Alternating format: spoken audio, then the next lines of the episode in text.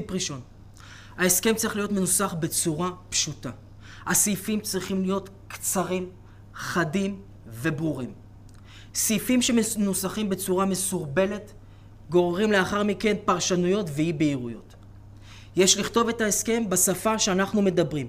יש להיזהר מלכתוב את ההסכם בשפה גבוהה, משפטית, שלא מובנת לכל. טיפ שני, חייבים להכניס סעיף היעדר תביעות להסכם גירושין. כאשר אנחנו חותמים על הסכם גירושין, אנחנו מסדירים למעשה את כל הסוגיות השנויות במחלוקת בין בני הזוג.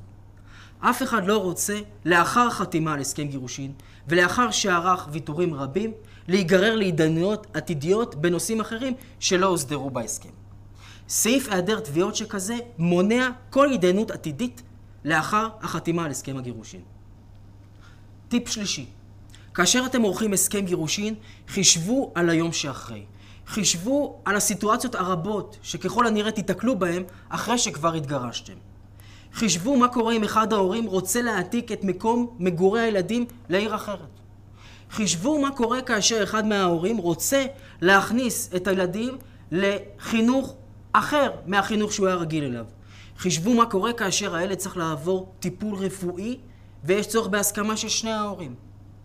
כאשר תחשבו על הדברים האלה, תדרשו מעורכי הדין שלכם להכניס מנגנונים שייתנו פתרונות לסיטואציות שכאלה שיקרו לאחר הגירושים.